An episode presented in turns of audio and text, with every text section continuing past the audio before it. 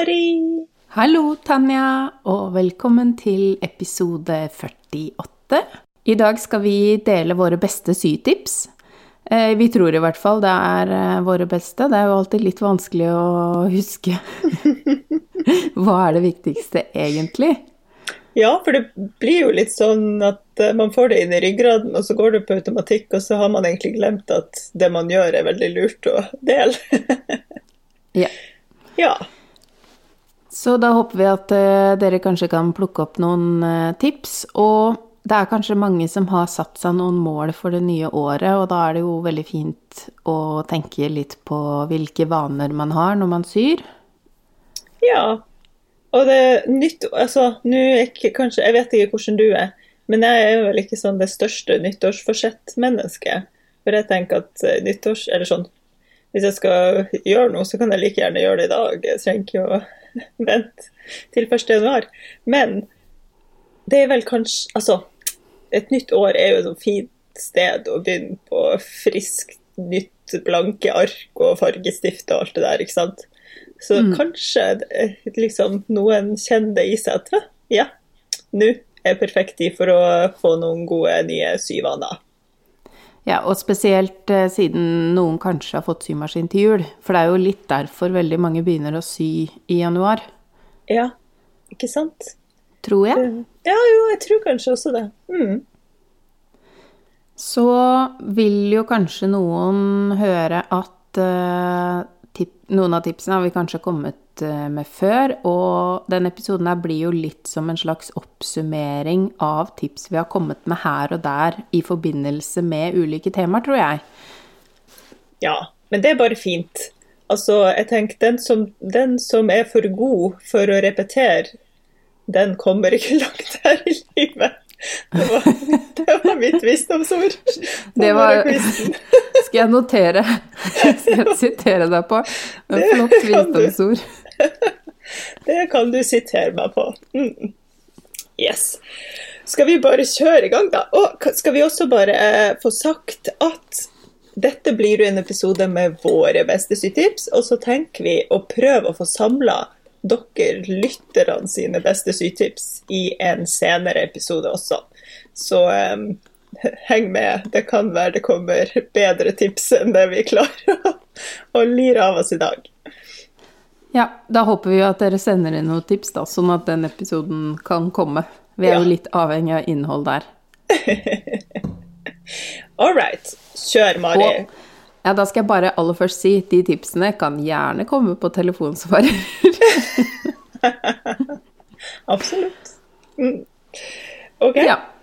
Ok, det er jo litt sånn ganske grunnleggende det første tipset fra meg. Eh, men det, det legger jo litt sånn grunnlaget for resten av eh, arbeidet, da. Og det er at det er viktig å være nøye på sømrom, både når du klipper ut og når du syr. Og da er det jo, når du syr, så kan du jo følge sømrommet på stingplata hvis du har en sånn maskin som eh, viser, har sånne streker på seg, med tall eller uten tall. Og merk Ja. deg da hvilken strek som eh, tilsvarer det sømrommet du bruker. Ja.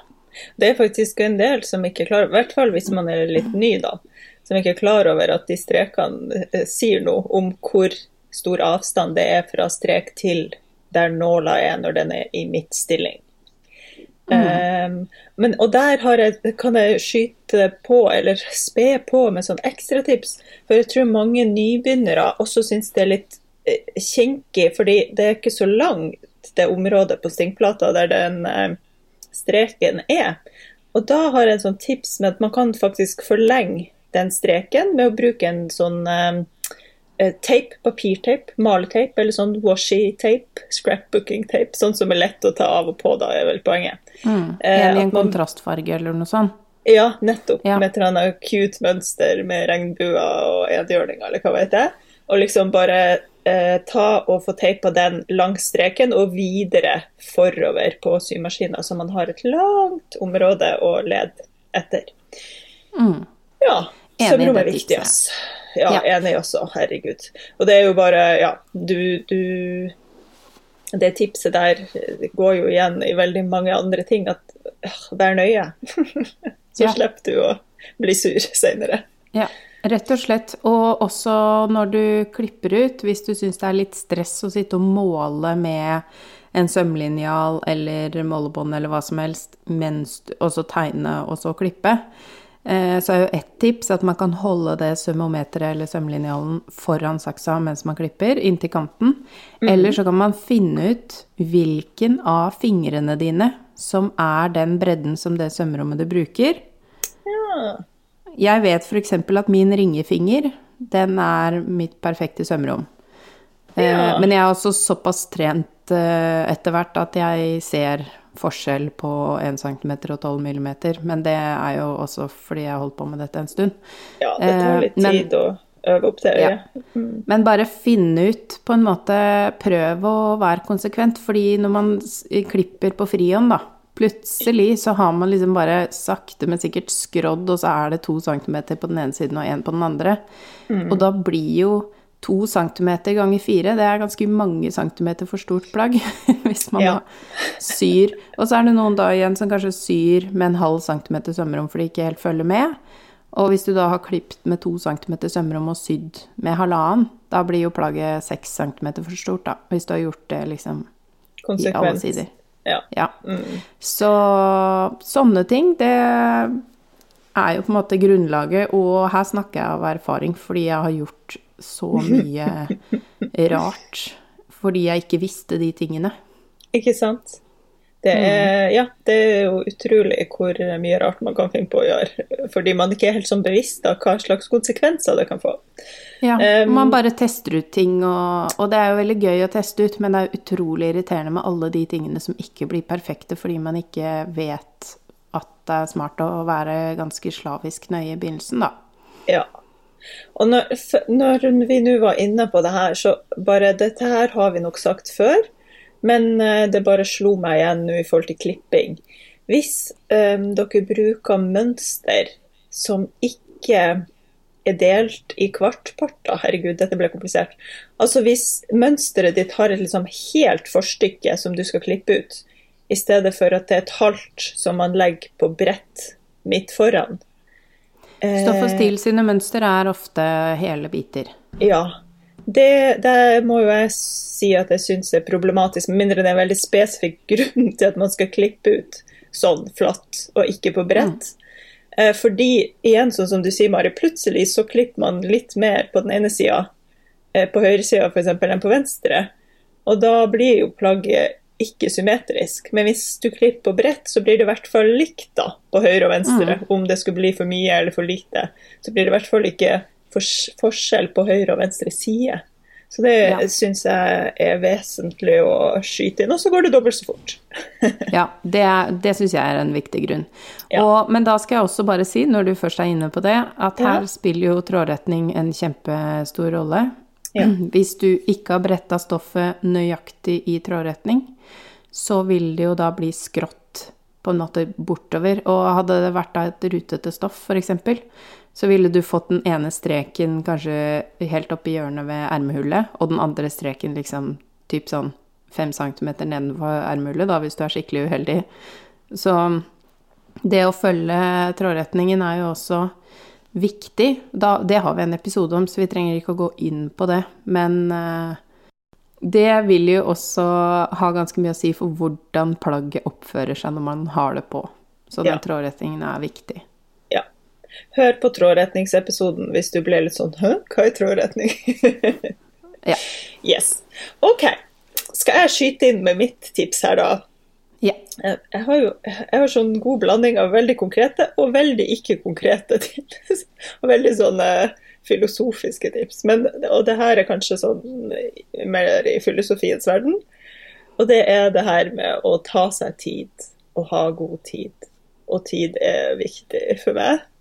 Eh, litt eh, bare i tråd med det vi allerede har sagt. Ikke liksom stress deg gjennom. For det første, hvis man kjenner på et sånt stress, og at man har det travelt når man skal sy, så tror jeg man bare må eh, i hvert fall stoppe opp og tenke sånn Ja, men hvorfor syr jeg? I hvert fall hvis man er hobbysyer.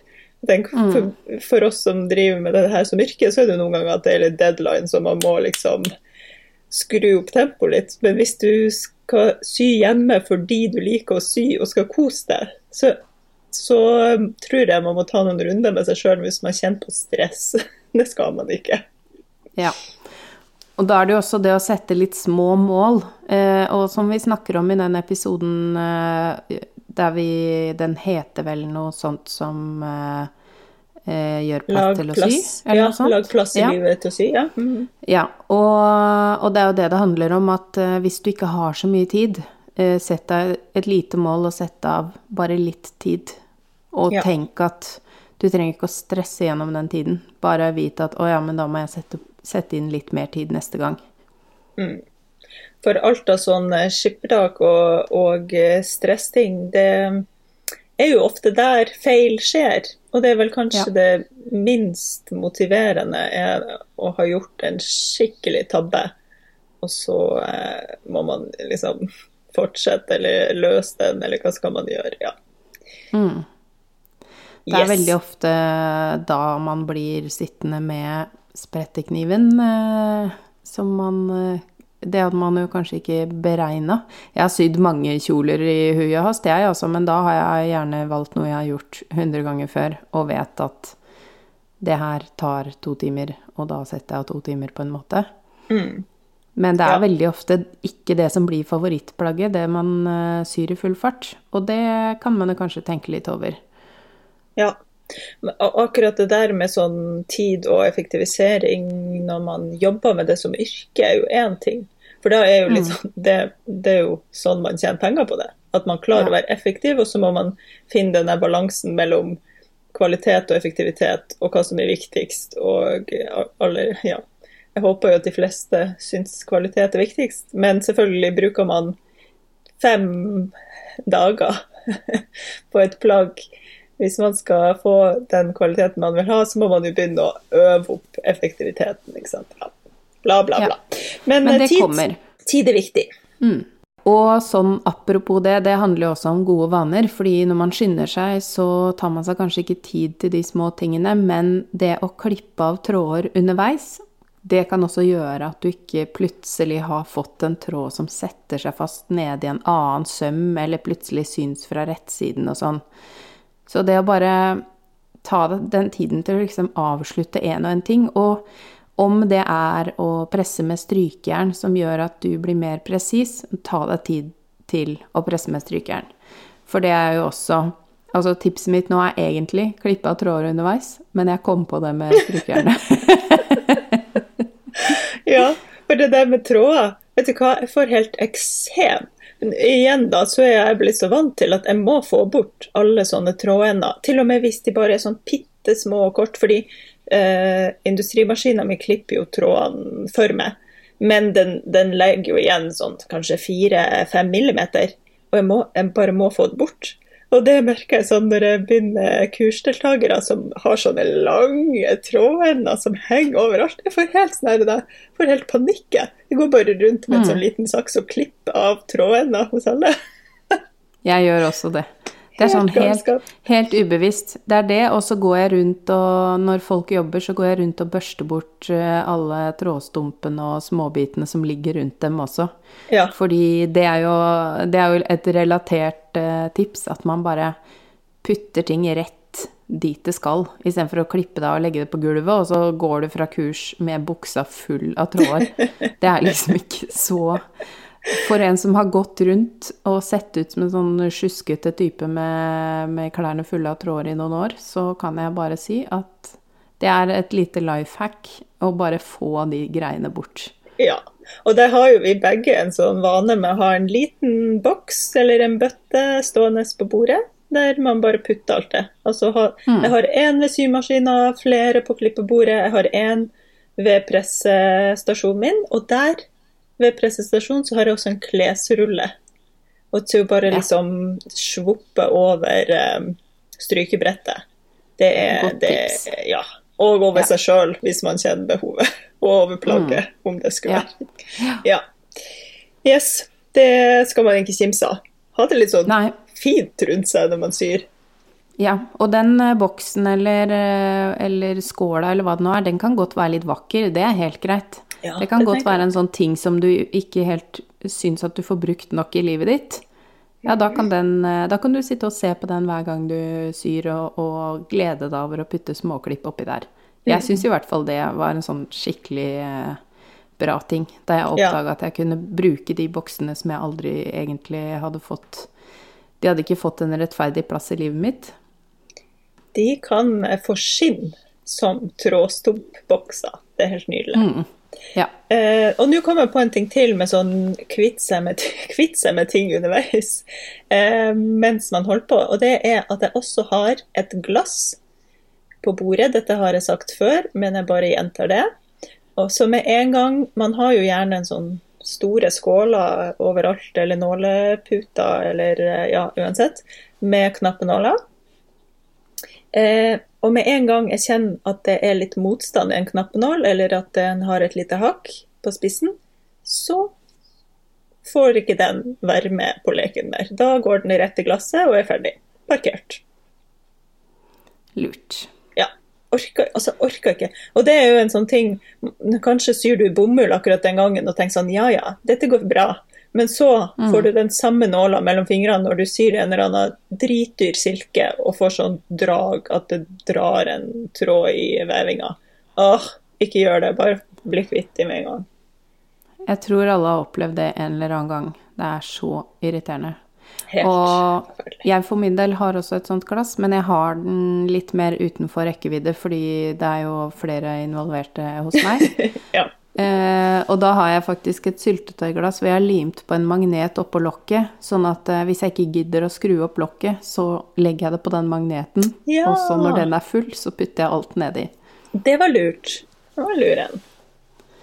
Smart, smart, det, smart. Ja. Så der, eh, men jeg er også helt enig. Få, få ting bort underveis, samme hva det er. Det, det, har så mye å si, for da er man også mer konsentrert om det som gjelder, og man blir liksom roligere av det. Ja, helt enig.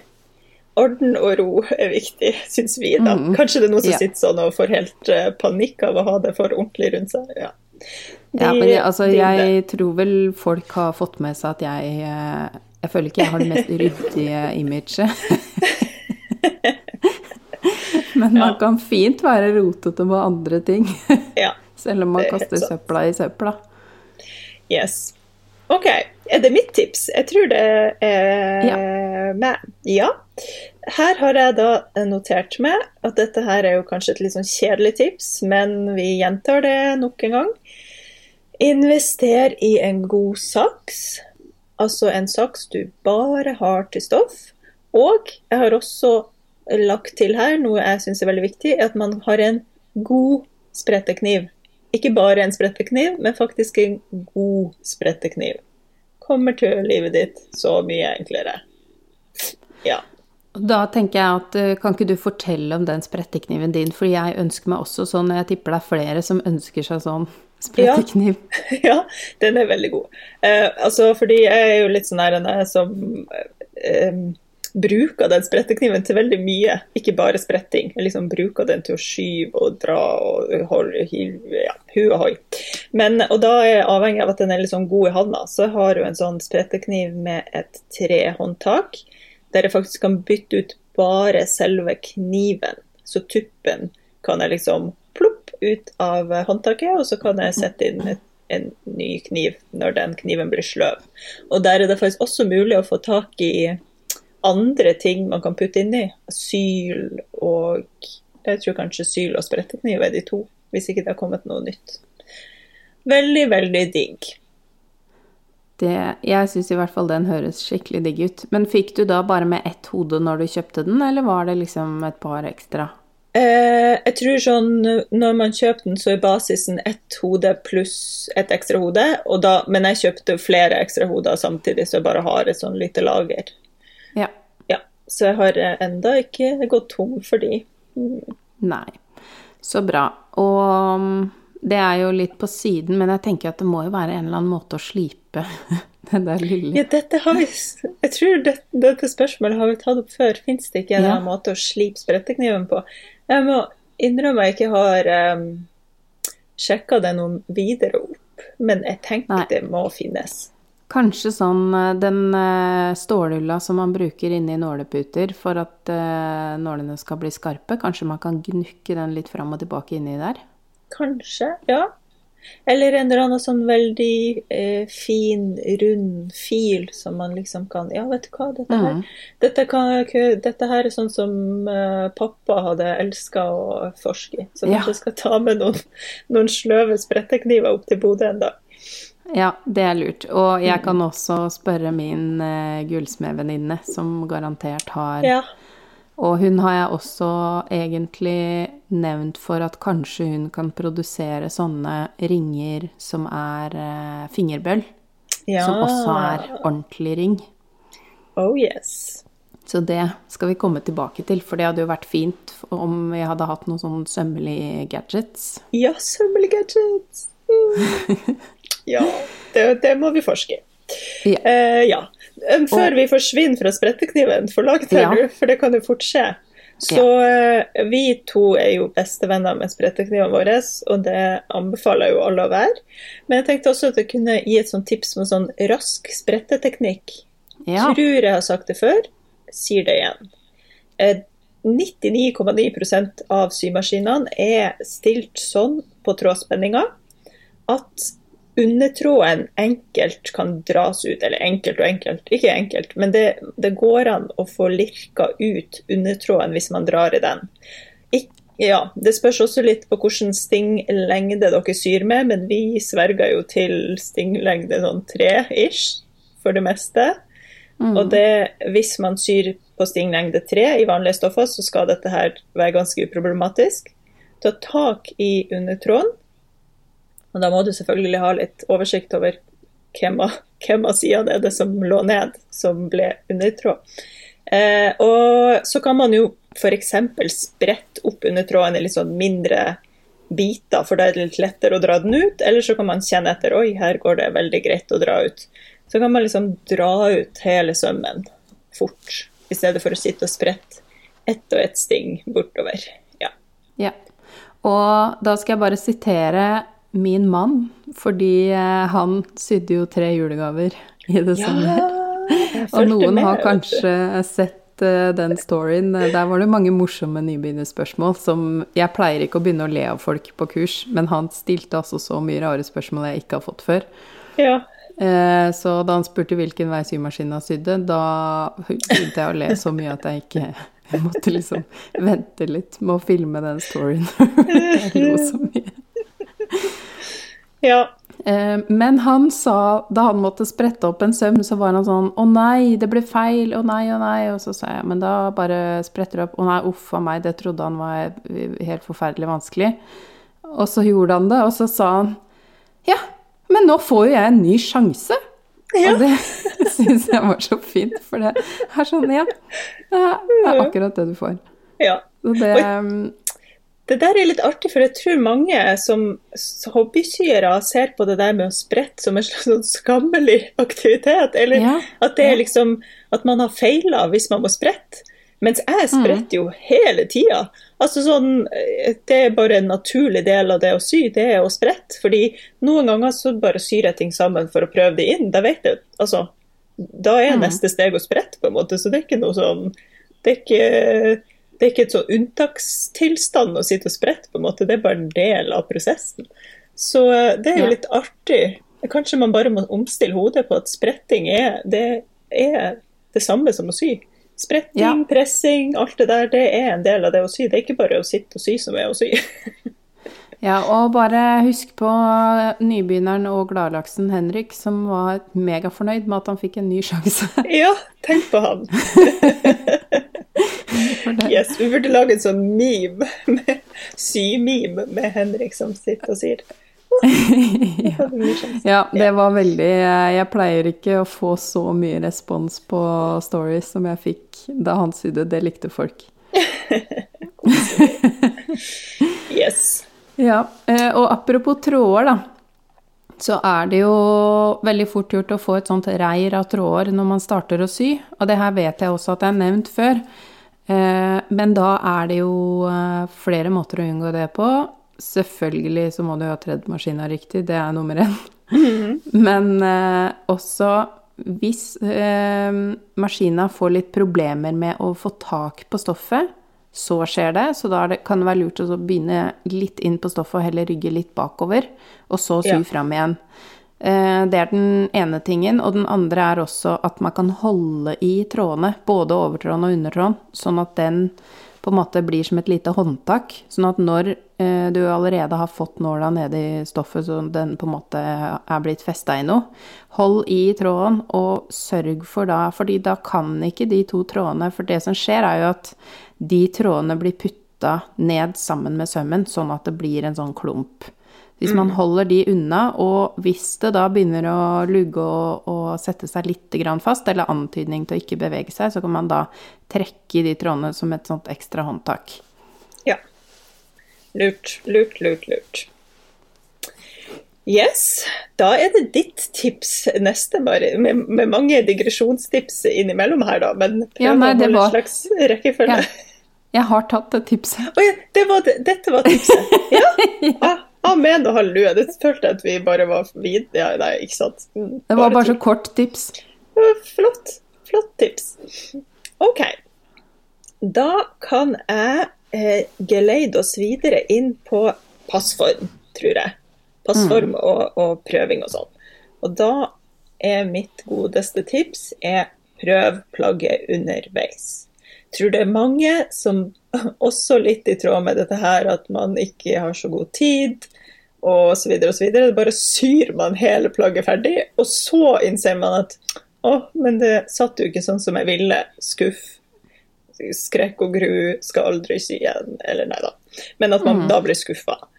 Og da må jeg bare si Altså, jeg prøver alt hele veien underveis. Jeg stoler mm. ikke Altså, jo da, hvis jeg har sydd et eller annet og har liksom et mønster som jeg vet er 100% sikkert fungerer bra, og jeg ikke prøver meg på noe veldig forskjellig stoff, så gidder jeg ikke å prøve underveis. Og hvis jeg er helt sikker på at jeg ikke har gått verken opp eller ned i vekt siden sist jeg sydde etter det mønsteret. Mm.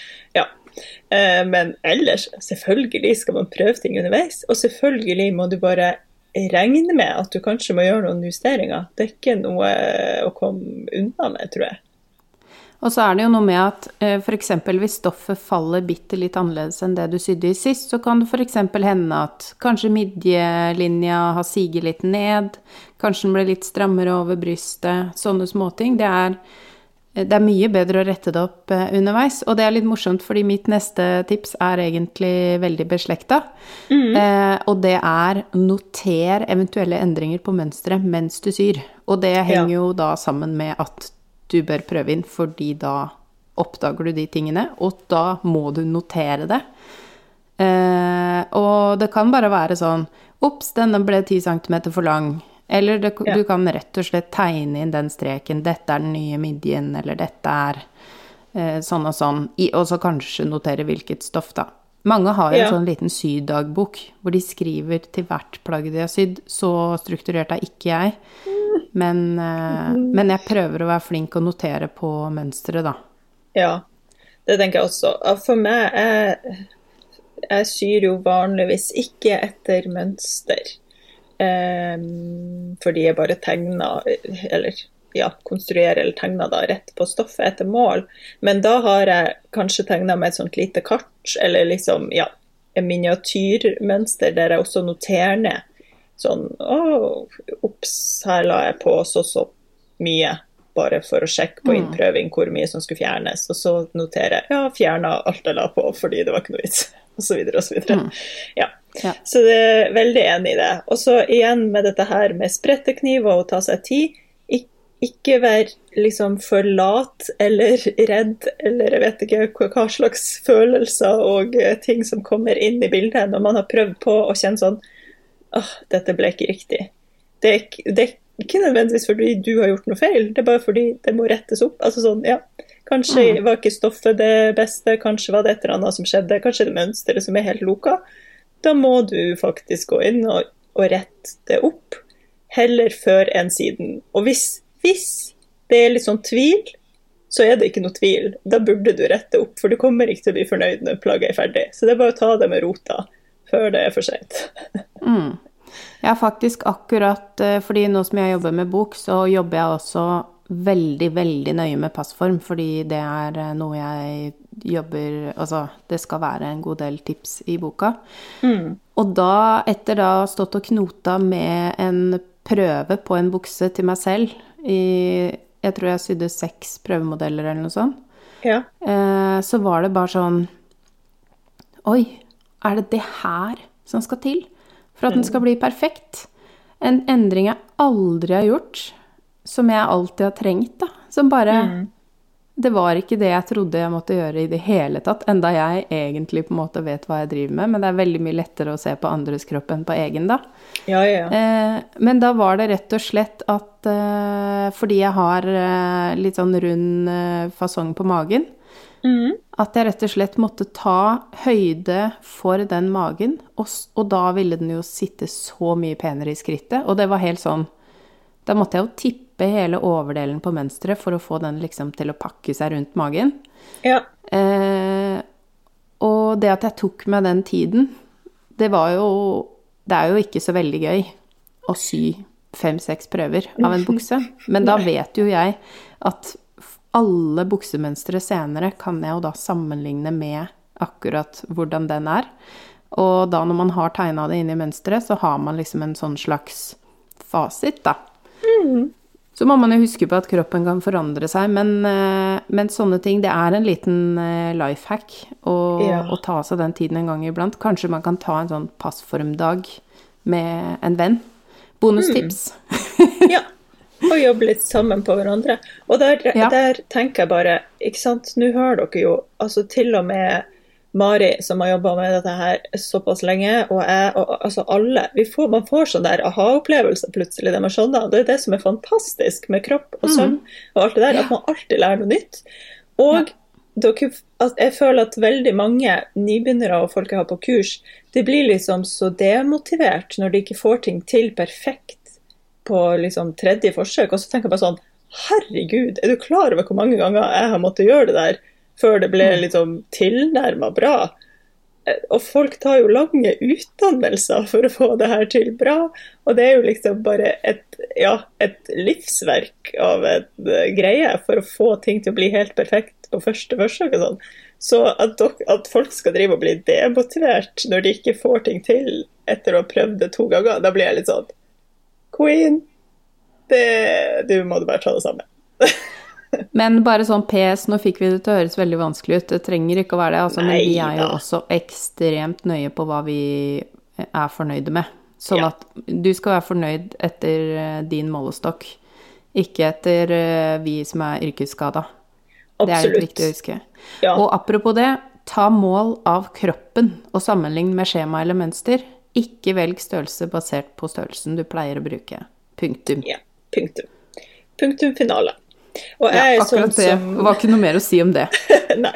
Jeg er sånn som også alltid eh, Altså hvis eh, kursdeltakerne mine sjekker skjema, så sier jeg kontrollmål på selve mønsteret også, du. For det er ikke Ja. sikkert at ting liksom er så straightforward som at ja, jeg var den størrelsen etter skjema. Fordi ja, det varierer jo i forhold til hvor mye ledighet mønsterprodusenten har lagt til, og hva de regner som normal ledighet, og litt sånn diverse, diverse. Så bare sjekk. Sjekk, sjekk, sjekk. Yes. Ja, enig. Så mm, ja, akkurat eh, på passformen er vi jo eh, ganske kompromissløse. Nå var vi litt strenge. Nei, det er lov å være litt streng. Ja, Ja, OK. Er det meg, eller er det deg? Nå Ja, er datter datt litt det er deg. Ja. det er deg. Da, jeg kom på et sånt genialt tips, eh, følte jeg sjøl, da. og det er eh, et tips mot slurv. Som jeg faktisk noen ganger tar meg sjøl i å gjøre, eh, litt sånn i mitt stille sinn. Og det er hvis jeg tenker at OK, Tanja, nå, dette her kan du ikke slurve på. Det her må faktisk være helt 100% perfekt. Da forestiller jeg meg at jeg viser til noen andre, eller at jeg lærer bort det jeg gjør. For da gjør jeg det skikkelig ordentlig. Ga det mening? Ja, ja. Ja. Det, det ga mening. ja. Så jeg liksom forestiller meg at ok, nå skal jeg liksom gjøre dette så ordentlig at en annen person som aldri har gjort dette før, skal klare å, å forstå hva det er som skjer. Så jeg kan ikke liksom bare sånn Ja, så bare gjør det sånn, og så er det ikke så nøye. Mm. Vi gjør det skikkelig ordentlig. Da, ja, det hjelper meg i hvert fall mot slurv, å late som at jeg lærer, lærer det jeg skal gjøre bort, eller vise det til noen og har en Ja, noen pleier å si sånn Jeg bare tenker at du står over skuldra mi og ser på, så gjør jeg det ordentlig. Så tenker jeg sånn OK. Det, det, det er liksom den Det er den rollen jeg har fått. Ja. Men hvis det hjelper, så er det greit. Ja, du får bare tenke at du er den engelen på skulderen, ikke ja, den andre. Ikke den andre. Ja. ja. Yes. Ja. Da skal jeg skyte inn en, eh, en veldig liten digresjon. Og det var at sønnen min hadde en liten periode hvor han, eh, når han satt og lagde ting For han hadde sett litt på noe som heter Gjør det sjøl, for eh, det er på barne-TV.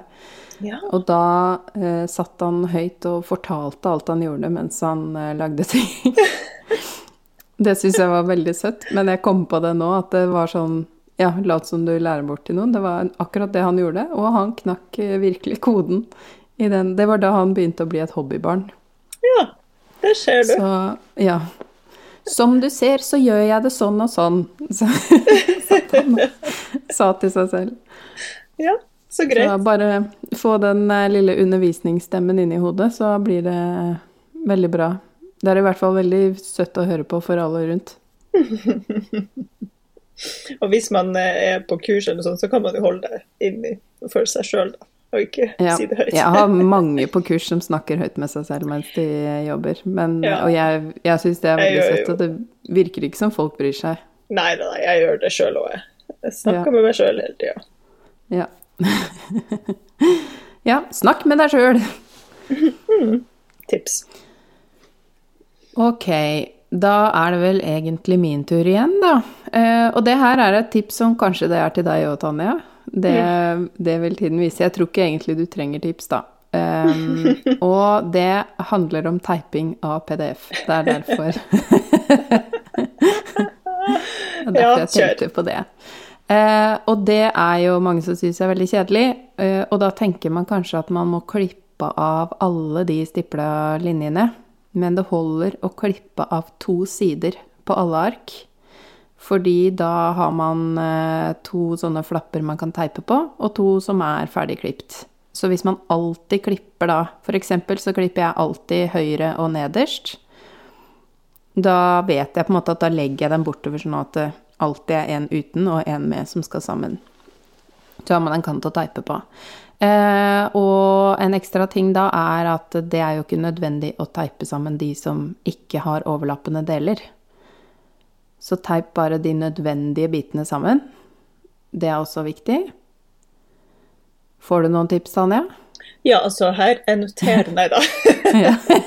Nei da. Eh, jeg vet at du antageligvis har tenkt deg fram til dette her selv. Eh, og så er det hurtigmetoden for de som virkelig hater det. Men eh, da syns jeg det er vesentlig å nevne at det her gjelder ikke hvis det er mange detaljer noen detaljer kan gå tapt, men hvis det er store biter med ikke så mange streker, så er hurtigmetoden aktuell. Og det er å kun klippe av hjørnene. Fordi da får man arkene til å passe. Å ja, så du liksom Så du bruker hjørnene til å, til å på en måte stille de riktig, og så ja. lar du det stå til i noe, ikke sant? Mm. Ja, men det jeg gjør da, hvis det, det, gjør jeg typisk hvis jeg bare skal sjekke et mønster veldig kjapt og ikke, ikke, trenger at det blir veldig ordentlig. Men der hvor alle strekene skal passe sammen, der klipper jeg inntil. Akkurat bare de stedene. Og så klipper jeg bare av hjørnene der hvor uh, jeg på en måte ikke trenger å ta alt, da. Men det her er sånn, dette er slurvemetoden som kun er hvis det er litt sånn krise. Og jeg har sett også at noen bretter men da blir det jo veldig sånn klumpete og rart, så det ville jeg kanskje ikke gjort, men det er det også noen som gjør, da. Ja. ja. Vet du hva, altså min PDF-mønsterkarriere var jo veldig kort, det som kjent. Ja. men, men, underveis der, mens jeg drev og klipte, så tenkte jeg bare sånn åh, jeg skulle ønske jeg hadde en sånn papirkutter. Det hadde ja. gjort livet mitt veldig mye enklere akkurat nå. Så det, hvis noen har en veldig utprega PDF-karriere og elsker å sy etter PDF-mønster, indie-mønster, så tror jeg jo det Altså, jeg hadde jo investert i det til hvert. Hvis jeg hadde vært veldig sånn PDF-gæren, tror jeg, da. Men da vil jeg også si at eh, tapetkniv og metallinjal går mye kjappere enn Ja. saks. Eh, men det kan også bli litt mer kløneri hvis man ikke har helt reisen på kniven. Så jeg gjør ikke det på en, dag hvor jeg er litt sånn nervøs og skjelven. Da, da dropper jeg det. Ja. Ja, men det i hvert fall eh, det er sånn mine tips. Akkurat den teipinga av PDF har jeg faktisk tenkt på at jeg skulle bare ha filma en sånn kjapp liten eh, reel av til Instagram, fordi det er en sånn Det kan være en grunn til at mange ikke gidder å kjøpe mønster hvis de er nødt til å teipe, og det er så unødvendig. Nå har jeg papirmønster òg, men, eh, men utenlandske De engelske er jo ikke Ja. i papir, da. Ja. ja. OK. Det var PDF-tipset. Da går jeg videre på mitt neste her, som er veldig konkret. Eh, Nå ja, går jeg veldig vekk fra filosofien og veldig inn på det konkrete her. Og Ja. da eh, Det jeg liksom syns effektiviserer veldig prosessen, og som jeg liksom er veldig glad i, det er at jeg har en sånn nålepute på symaskiner. Altså På industrimaskiner så er det jo ganske lett å få klaska på en sånn, fordi jeg ikke har noe sånn skjerm og masse ting akkurat på den der horisontale kroppen, hvis, hvis dere skjønner hva jeg mener. Der de fleste nye symaskiner har en skjermen der man velger sting og sånn. Der er du Ja, bare den greia metall. over der man syr. Den, Ja. den tingen ut. Ja, rett og slett liksom kroppen. Så hvis det hadde vært en kattepus, så hadde det vært magen, liksom. ja. Ja. Eh, der rundt Jeg har liksom en sånn flat nålepute som bare går rundt hele den saken. Em, men der har jeg jo sett at noen har ja, en smalere type sånn som de har rett ved sida av alle knappene, eller det fins andre måter å løse det på. Man kan jo også ha den liksom, jeg vet ikke, på sida kanskje, der på selve syflata, men litt inn på sida mot høyre. Eh, Men bare å ha enten magnet eller nålepute der, sånn at du kan få ut, hvis du syr med knappenåler, få ut og få plassert de på et fast sted med en gang. Det syns jeg er så smooth og deilig når jeg syr. ja, da skal jeg skyte inn eh, et, eh, en ting jeg gjør, fordi jeg har ikke mulighet til å ha sånn som du har. ja. Eh, og jeg har er alltid en eh, nålepute da liksom på den siden av maskinen, altså på høyre side, da. Der trenger man jo ikke å ha så mye plass til stoff og sånn. Det er jo ikke der man syr. Så Med mindre man siden- quilter, ja. Mm, ja. Ja. Men eh, man kan jo sette den litt mer ut til siden, da, mer sånn ved siden av symaskina hvis man driver med noe digert. Ja. Men uansett, jeg har alltid én uh, nålemagnet ved siden av symaskina på høyre side, og så har jeg en annen nålemagnet på klippebordet, eller der hvor jeg har klippet, da. ja. Og, og så bytter jeg Så når den ene er tom på klippebordet, da er den antageligvis full borte ved symaskina. Og Mm. da bytter jeg eh, bare de to, og så fortsetter jeg liksom med å fylle opp da den Det er tomme. veldig lurt. Ja. Ja. Fordi hos meg så blir det jo sånn at jeg med jevne mellomrom må gå og, og bare få dratt ut alle nålene fra den Ja. voodoo-nåleputa som blir helt sånn nedstukket. Ja. Så det er sånn Det er min mest effektive metode, er bare at jeg alltid har en der hvor jeg er. Og så bare bytter jeg på. Ja. Yes. Og den, hvis man har en sånn nålmagnet, så er jo den også nydelig til å plukke opp ting. Eh, altså plukke opp nåler fra teppet eller ned i sprekkene på gulvet. Og det å gå over gulvet en gang iblant med en sånn nålmagnet er også veldig lurt når man syr hjemme. Yes. For det er eh, Jeg vet ikke hvor mange ganger du har fått nåler inn i foten, men eh, det har jeg fått ganske mange ganger. Eh, Nå må jeg banke bordet. Enn så lenge aldri fått en nål i foten. Nei. Ikke i rumpa Men engang. det Ikke i rumpa heller.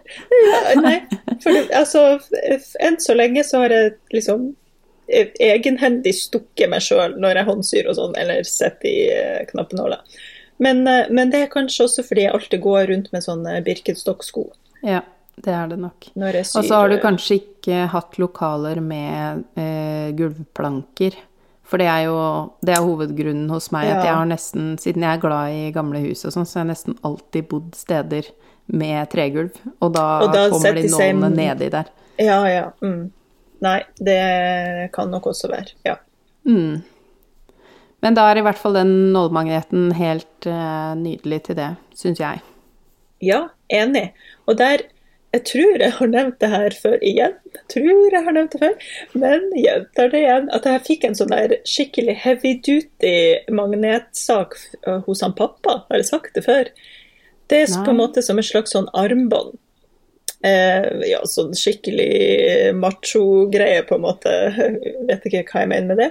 Men det er i hvert fall en sånn med borrelås, da, som man kan liksom strappe til hånda eller eh, armen nærmest, for den er såpass stor. Som jeg tror han har kjøpt på en eller annen sånn byggevareforretning til å ha på eh, spiker. Ikke sant? Når håndverker håndverkere jobber, så er det kjekt for de å ha spiker liksom, ikke i hånda, men Ja, ja. på en magnet. Og Det er den, samme greie, det. Det er akkurat samme greie, men den har på en måte magnet rundt hele, og veldig sånn sterk magnet, siden den skal holde spiker. Så Mm. det kan være et tips. Kanskje jeg skal legge ut, eh, vise den frem på storyen Ja, når den episoden er sluppet. Mm. Ja, det må du gjøre, for jeg ble meganysgjerrig. Jeg Ja. har jo et sånt der eh, magnetisk nålarmbånd, men jeg syns ikke Ja. den magneten er sterk nok, sånn at uh, nålene ble jo bare Gikk jo bare inni genseren, eller Ikke sant? Så jeg, foreløpig har ikke jeg vært så begeistra for magnet rundt håndleddet, og dessuten syns jo datteren min at den var såpass fin at den har nå blitt hennes. Ja. Men det var, det var ikke noe stort tap, egentlig, for jeg ble litt skuffa. Ja, nei, du, jeg skal, vise, jeg skal vise den her frem på storyen når den tid Ja. kommer. Så kan dere få se. Ja. Og det er jo, hvis man driver med modellering f.eks., eller Ja. eh, kurs med innprøvinger, så er det jo nydelig å ha med seg eh, litt nåler sånn lett tilgjengelig, fordi jeg glemmer hvor jeg setter den nålmagneten min hele tiden. Ja, Så det å helt ha den på armen er veldig greit. Yes. Mm. Og Ja. da er det jo også eh, et tips som det er ganske innlysende, men lett å glemme. Ikke prøv deg på kompliserte ting hvis du er trøtt eller sulten. Og det her er jo litt sånn fjellvettreglene-aktig. Snu i tide og eh, ikke lenge, legge ut på en lengre tur enn du orker og sånn. Ja. Ingen skal Bare- snu. Ja. Pass på deg selv, og ta en pause, gå på do. Kle på deg hvis du fryser. Jeg kan finne på å sitte tissetrengt og iskald Ja. og sulten i mørket fordi jeg til og med har glemt å slå på lyset fordi det har blitt mørkt mens jeg har holdt på. Ja, ja, og så bare Og så gjør jeg en eller annen idiotisk ting, og så ser jeg meg omkring bare Oi, hjelp, hvor lenge har jeg egentlig sittet her og ikke fått med meg verken at det har blitt mørkere, kaldere, at jeg måtte tisse, eller at jeg ikke har spist på fem timer. ja. Eh, og det er jo da man gjør de mest idiotiske ting. Så bare om det hjelper deg å ha på en alarm hver tredje time som er sånn Ops, sjekk formen. Ja. Så, så kan det kanskje være litt fint da, bare passe litt på seg sjøl, fordi det skal jo være en koselig hobby, det skal ikke gå på helsa løs. Men der kan jeg være ganske dårlig eksempel sjøl, da. Veldig gjenkjennbart, Mari. Jeg er helt, helt lik. Um, og ja, jeg vet ikke om jeg har noe sånn Jeg har ikke helt knekt den koden sjøl, da, kan jeg jo ærlig innrømme. Det, det går liksom Ja. på helsa løs noen ganger. Men heldigvis, akkurat det der med sånn seint på natt har jeg klart å, å slutte med. Også mest Mm. fordi at jeg liksom har en fast arbeidshverdag. ikke sant? Drar på sømrom, syr, kommer hjem, syr ikke mer. Um, Mm. Men jeg tror jo at de fleste som hører på oss, har dette som hobby, og da gjerne syr etter arbeidstid. Da er det så fort gjort at i de sene nattestimer, sånn i tolvdraget, at man da bestemmer seg for ja, skal bare sette inn det her på spolerte lommene, så er jeg ferdig. Nei, ikke gjør det, Ja. liksom. Bare, Nei, det er en og- kunst å kunne legge fra seg ting også, altså. Ja, du skal få en dag i morgen kan du tenke Ja, da. da kan du Og tenke det. Det er noe med å være uthvilt, og, og for min del, da, så er det ganske kritisk, fordi eh, jeg får migrene hvis ikke Jeg må være sånn helt slavisk, jeg må drikke akkurat så mye vann. hver dag. Jeg må ha den og den døgnrytmen, eller så kan jeg gå på en smell og ha migrene i, i liksom mange dager. Ja. Eh, og da, derfor så har jeg blitt ganske nøye på det etter hvert. Men jeg har også en klokke som sier fra, da. Fordi eh, det, ellers så er det jo veldig lett å la seg rive med. Ja. Det Ja. Helt enig. Men Mm. ja, så bare hør stemmene våre når dere kjenner at uh, dere har forsvunnet litt for langt inn i bobla. Bare la dere dra ut. Og kjenne litt etter behovspyramiden. Må jeg tisse? Må jeg spise? Må jeg drikke? Ja. Ja. Som et lite mantra der kan du ja. Kan du høre? høre den, den, eh, de setningene.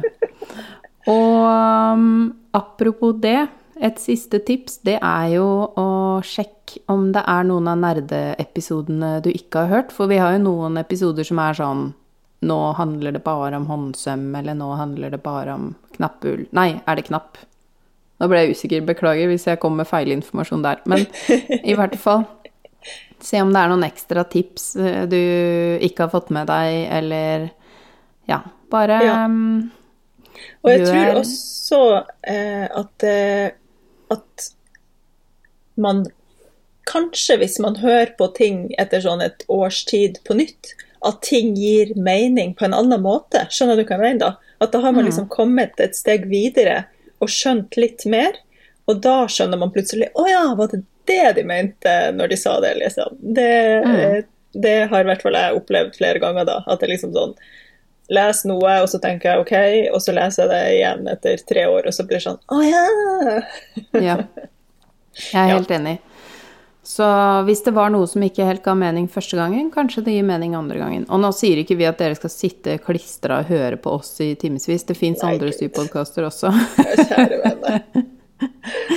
Men hvis man ikke har noe annet hyggelig å ha i bakgrunnen mens man sitter og syr, så kan man skru på en tidligere episode og tenker jeg. Ja, det kan man også gjøre. Jeg er jo sånn som elsker å høre på lydbok eh, mens jeg jobber, så jeg hadde funnet meg en eh, god og lang bok og satt på den og vært bare i den bobla mens jeg sydde. Men det er jo også da tiden plutselig bare sånn Oi, har det gått Ja. tolv timer? Så det er jo det fine med å ha barn, da. Det går jo ikke tolv timer, fordi at man må jo faktisk hente dem og gi dem mat og sånn. Så det, det er også et tips. Nei. Ja, tips, få dere på! OK, nå begynner, det- å bli såpass useriøst, og da tror jeg kanskje ikke vi har noe særlig mye mer å, å si. Eller hva tror Nei, men vi klarte å lire av oss noe av nytteverdi, eh, får vi tro. Det vil jeg tro. Og så håper jeg jo at eh, det kommer inn masse gode tips fra lytterne. At kanskje vi plukker opp noe sjøl der på et tidspunkt. Ja, det er jeg nesten helt sikker på. At det Ja. kommer noen ting som vi har nytte av der òg. Og jeg skal i hvert fall ta med meg det tipset om eh, den eh, klesrulla på, Ja. på strykebrettet, fordi det pleide jeg å ha før, og så vet jeg ikke helt hvor den ble av. Men Nei. eh, da må jeg finne den igjen. Mm. Og jeg tar med meg det der en tipset med, sånn, med å ha magnet på lokket på et glass. For det, det begynte jeg å kjenne på nå, at ja, det hadde jo vært genialt også hvis man f.eks. har et eget glass til symaskinnålene, og kanskje har én nål som kunne sydd litt mer, men man må bytte størrelse. Så kan jeg jo legge det oppå det lokket. Så vet jeg at det, det synger på siste vers, men kan fortsatt sy litt. Mm. Kult. Men eh, så lurer jeg på sånn på tampen, for vi har jo ikke kommet med noe innspo her. Har du f.eks. en sybok eller en eh, video eller et eller annet som du vil anbefale som litt inspirasjon for folk? Noe, et sted du har plukka opp noen tips, f.eks.? Et sted jeg har plukka opp mye tips Ehm. Åh, Jeg føler liksom at jeg er veldig internettdame. Altså sånn Internett bare skjer, og så, og så ser man ting, og så plukker man det liksom opp. Men hvis jeg skal Mm. si en bok Det må ikke være en bok, det kan være internetting. Ja, internetting er Det var bare ofte- innspo. Ja.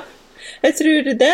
Men, men, en annen Ja, faktisk, når jeg tenker meg om Jeg har jo et sånt evig arkiv av Burda-blader fra liksom hun mamma begynte å samle på de i sin tid, til mm. at jeg har abonnert litt sånn i perioder. Og det skal man ikke kimse av, for inni der er det ofte en del gode tips, altså. Spesielt hvis det er noe sånn her nybegynner, nå skal vi sy denne blusa fra start til slutt. Så kan man jo liksom skumme gjennom det og kanskje få en ny måte å sy noe på. Ja. Mm. Det var mitt litt sånn halvveise tips. jeg skal komme med et tips jeg har kommet med før, og det er jo eh, Det beste store sybok, og den fins jo digitalt så ja. hvis man søker opp den, så finner man den på nettet. Og der er det sånn Fordi det er en sånn god, gammel sybok fra den tiden hvor man ikke kunne google ting. Så ja. er det så mye forskjellig der hvor det er bare sånn For der har de virkelig tenkt på alt, føler jeg. Nettopp. Den er veldig fin, altså. Jeg er helt enig. Jeg pleier å titte i den, jeg òg. Og da, nå skal jeg bare kjapt Åh, hvordan er det? For det, det fins en eng... Altså, det fins på en måte tilsvarende på engelsk. Um, Readers Digest. Ja, Readers Digest. Jeg har selvfølgelig begge. Complete Guide to Sewing. Ja. Den er på en måte ja, ekvivalenten på engelsk. Ja. Ja. jeg har begge, fordi at da jeg skulle begynne å lage mønster på engelsk, så var jeg så usikker på noen ord og sånn, så da fant jeg den samme forklaringen på engelsk i den boka som var på norsk i den andre. Ja. Og så kunne jeg se liksom Ja, ok, da ble det riktig måte å si det på. Ja. Og det syns jeg er litt sånn artig at i hvert fall den første utgaven av Complete Guide to Sewing, den har liksom litt samme estetikken som den eh, Det beste store syvbok. Det, ja, det er jo det er den samme boka. Er det helt den samme boka? Ja. Å ja. Herregud, det er derfor jeg bruker den sånn. Ah, men fordi den der Complete Guide to Sewing, den har kommet ut i, et, i en ny variant, men det har ikke den beste store sybok. Herregud, det er som å si Nei. en sånn gåte. Det er, ja. sikkert, det er, sikkert, ikke en lønnsom bok å produsere, fordi den er veldig tjukk og ja. Det er kanskje ikke så veldig interessant i de bildene lenger og sånn, selv om fra et nerdeperspektiv er det jo definitivt veldig interessant. Ja. Men, eh, men, også syns jeg generelt at eldre sybøker som man kan finne liksom, til en billig penge på loppis og sånn, mm. eller bruktbutikk eh, Det er veldig ofte veldig mange gode tips der som er litt sånn eh, fra en annen tid, da. Som jeg ja. liker i hvert fall veldig godt. Det er jeg helt enig i. Mye bra lærdom. Mm. Yes. Ja, var det det vi ja. hadde i dag, da? Ja, det tror jeg. Tror du ikke ja. det? Jo. Ja. Da må vi bare si lykke til, og håper at dere har plukka opp noen uh, tips som dere ikke hadde tenkt på før. Ja, Eller kanskje og... dere bare fikk bekrefta at uh, dette kan jeg. Ja. Og, og, og da kanskje ble, ja, det tenker jeg òg. Men da ble du kanskje inspirert til å dele et lite tips tilbake, som vi kan dele ja. i en episode senere. Det sier vi ja takk til. Ja takk. Ja. Ok, Mari. Takk for i dag. Ja. Takk for i dag, og lykke til, folkens. Lykke til. Sy pent. Ha det. Hei. Har du lyst på enda mer sømmelig innhold?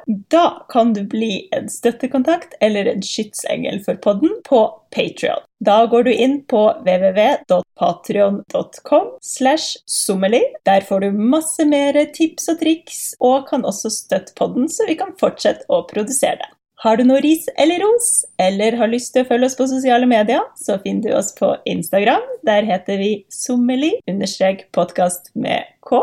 Og du kan gjerne sende oss en mail på sommerli.podkastmedk.gmail.com. Og så vil vi si tusen takk til Andreas Prestmo i Wildhagen Studios, som eh, klipper og får oss til å høres fine ut. Og tusen takk til Synnøve Overid, som lager den fine musikken vår.